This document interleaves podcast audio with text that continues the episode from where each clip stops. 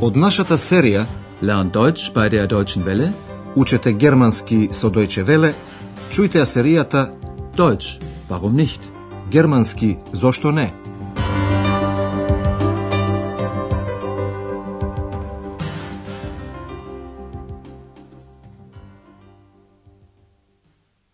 Liebe Hörerinnen und Hörer. Добар ден, почитувани слушателки и слушатели. Наред е 15-тата лекција под наслов Дали ти исто така ги продаваш касетите? Verkaufst du auch die Kassetten? Андреас во последната емисија им напиша писмо на своите родители. Тој им напиша дека повторно работи и дека еден студент секој пат има потреба од пари. Ihr wisst doch, ein Student braucht immer Geld. Хотелот Европа се наоѓа во Ахен, каде што живее и Андреас. Тој ги праша родителите дали ќе дојдат во Ахен. Обрнете внимание на второ лице множина.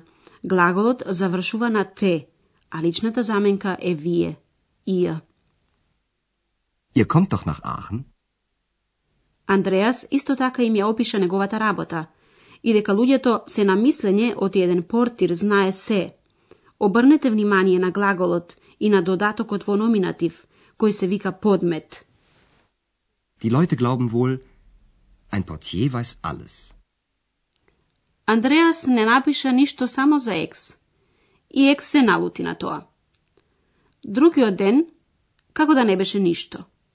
Дали се сеќавате дека Андреас имаше слободен викенд?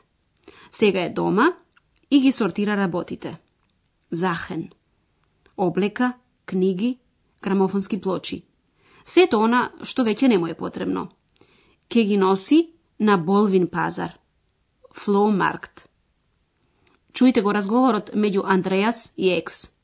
Андреас ги одбира работите што сака да ги продаде, Verkaufen, а Екс само го посматра. Ваша задача е да откриете со што Андреас се заканува на Екс.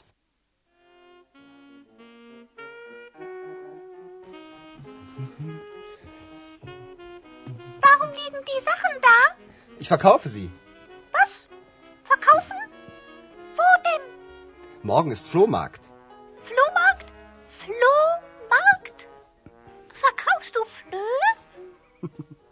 Nein, ich verkaufe die Ex-Hex. Nein, bitte nicht. Андреас и се заканува на Екс дека ќе ја продаде како и неговите работи. Се разбира дека тоа го кажува на шега. Во почетокот на разговорот, Екс прашува зошто толку многу работи, захен, лежат на секаде. Зошто лежат работите таму? Warum liegen die Sachen da? Причината е што Андреас сака нив да ги продаде. Јас ке ги продадам. Ich verkaufe sie. На Екс не е јасно и го прашува Андреас. Каде? Во? Сака да ги продаде сите тие работи. Што? Продаваш? Каде? Was? Verkaufen? Wo denn? Како и во многу градови во светот, и во Ахен има пазар за се и се што, Флоумаркт. Андреас има намера да отиде таму. Утре е пазар за се и се што, Болвин пазар. Morgen ist Flohmarkt. Секако дека таму не се продаваат болви, флое, зашто прашува Екс. Дали продаваш болви? Verkaufst du Flöhe? И Андреас на шега се заканува. Јас продавам ѓаволести Екс. Ich verkaufe die Ex-Hex. Екс е вознемирена и го моли Андреас тоа да не го прави. Не, те молам не. Nein, bitte nicht. Сега, откако Екс веќе не стравува дека ќе биде продадена на пазар, Андреас веќе нема мир. Екс буричка по работите со задоволство и наоѓа касети, касетен, и музички плочи, шалплатен. Ваша задача е да откриете што продава Андреас. Кај кои работи е несигурен дали воопшто сака да ги продаде. Обрнете внимание на негацијата ништ. Verkaufst du auch die Kassetten? Ja, Sie sind alt. Ich höre Sie doch nicht. Und die Schallplatten? Verkaufst du auch die Schallplatten?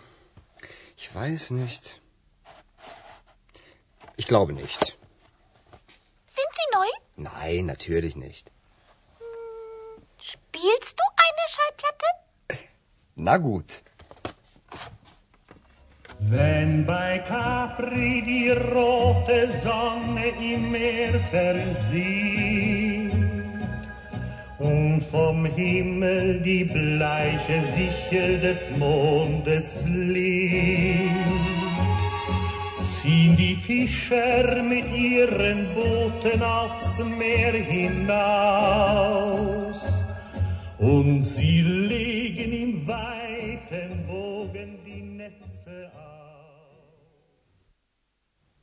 Андреас сака да ги продаде касетите. Кај грамофонските плочи е несигурен. Екс прашува во почетокот, дали ги продаваш и касетите? Verkaufst du auch die Kassetten? Андреас сака да ги продаде, бидејќи тие се стари. Да, тие се стари. Ja, Sie sind alt. Андреас сака да ги продаде бидејќи веќе не ги слуша. Јас и така не ги слушам. Ich höre Sie doch nicht. Екс прашува за грамофонските плочи, шалплатен. А плочите? Дали ги продаваш и плочите? Und die Schallplatten? Verkaufst du auch die Schallplatten? Андреас е несигурен. Не знам, не верувам. Ich weiß nicht. Ich glaube nicht. Екс прашува дали се тие нови? Дали се нови? Sind sie neu? Андреас вели дека не се. Не, секако не. Nein, natürlich nicht. А Екс сака да слушне една плоча. Дали ќе пуштиш една плоча? Spielst du eine Schallplatte? Андреас попушта пред барањата на Екс. Па добро. Na gut. Сега ќе ви објасниме некои форми на множината.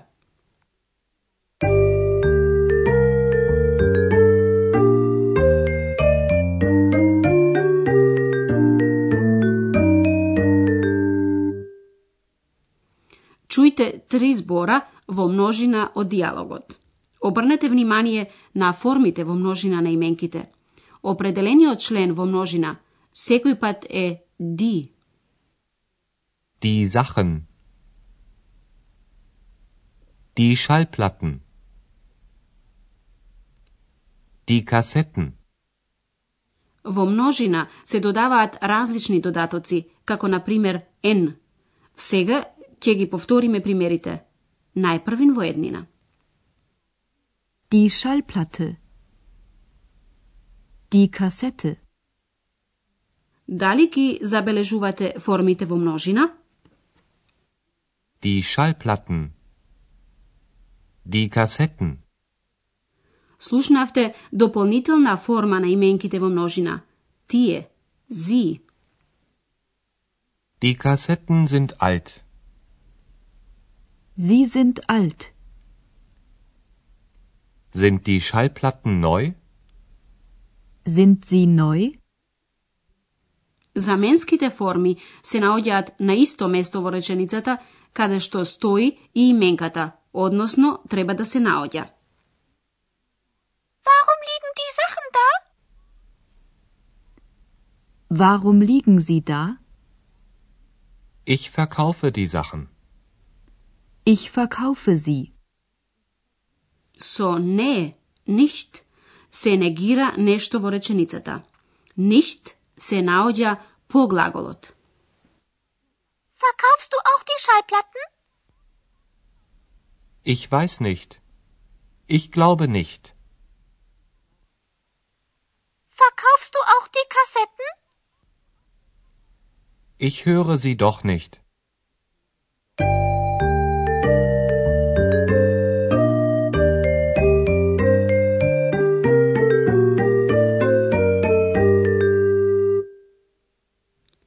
Чујте го диалогот уште еднаш.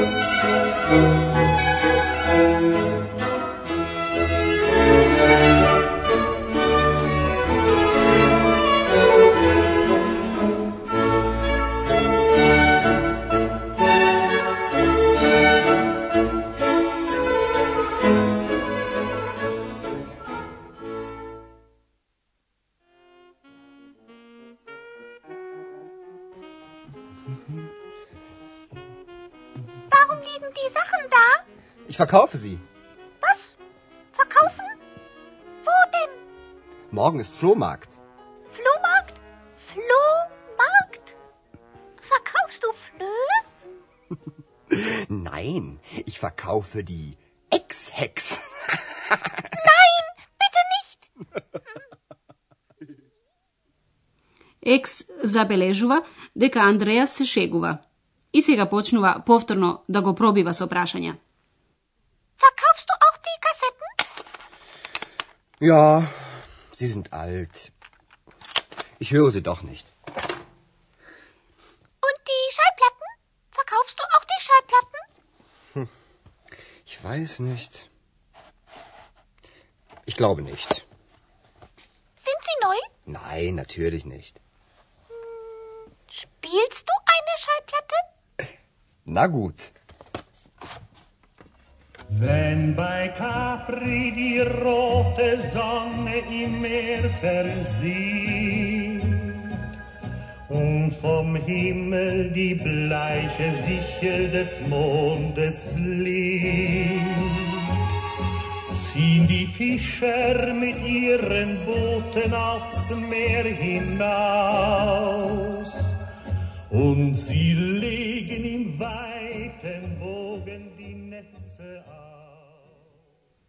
До слушање до наредната лекција. Ciao. Тоа беше германски Зошто не? Радиоговорен курс на Херат Мезе во продукција на Дојче Веле и на Гетовиот институт од Минхен.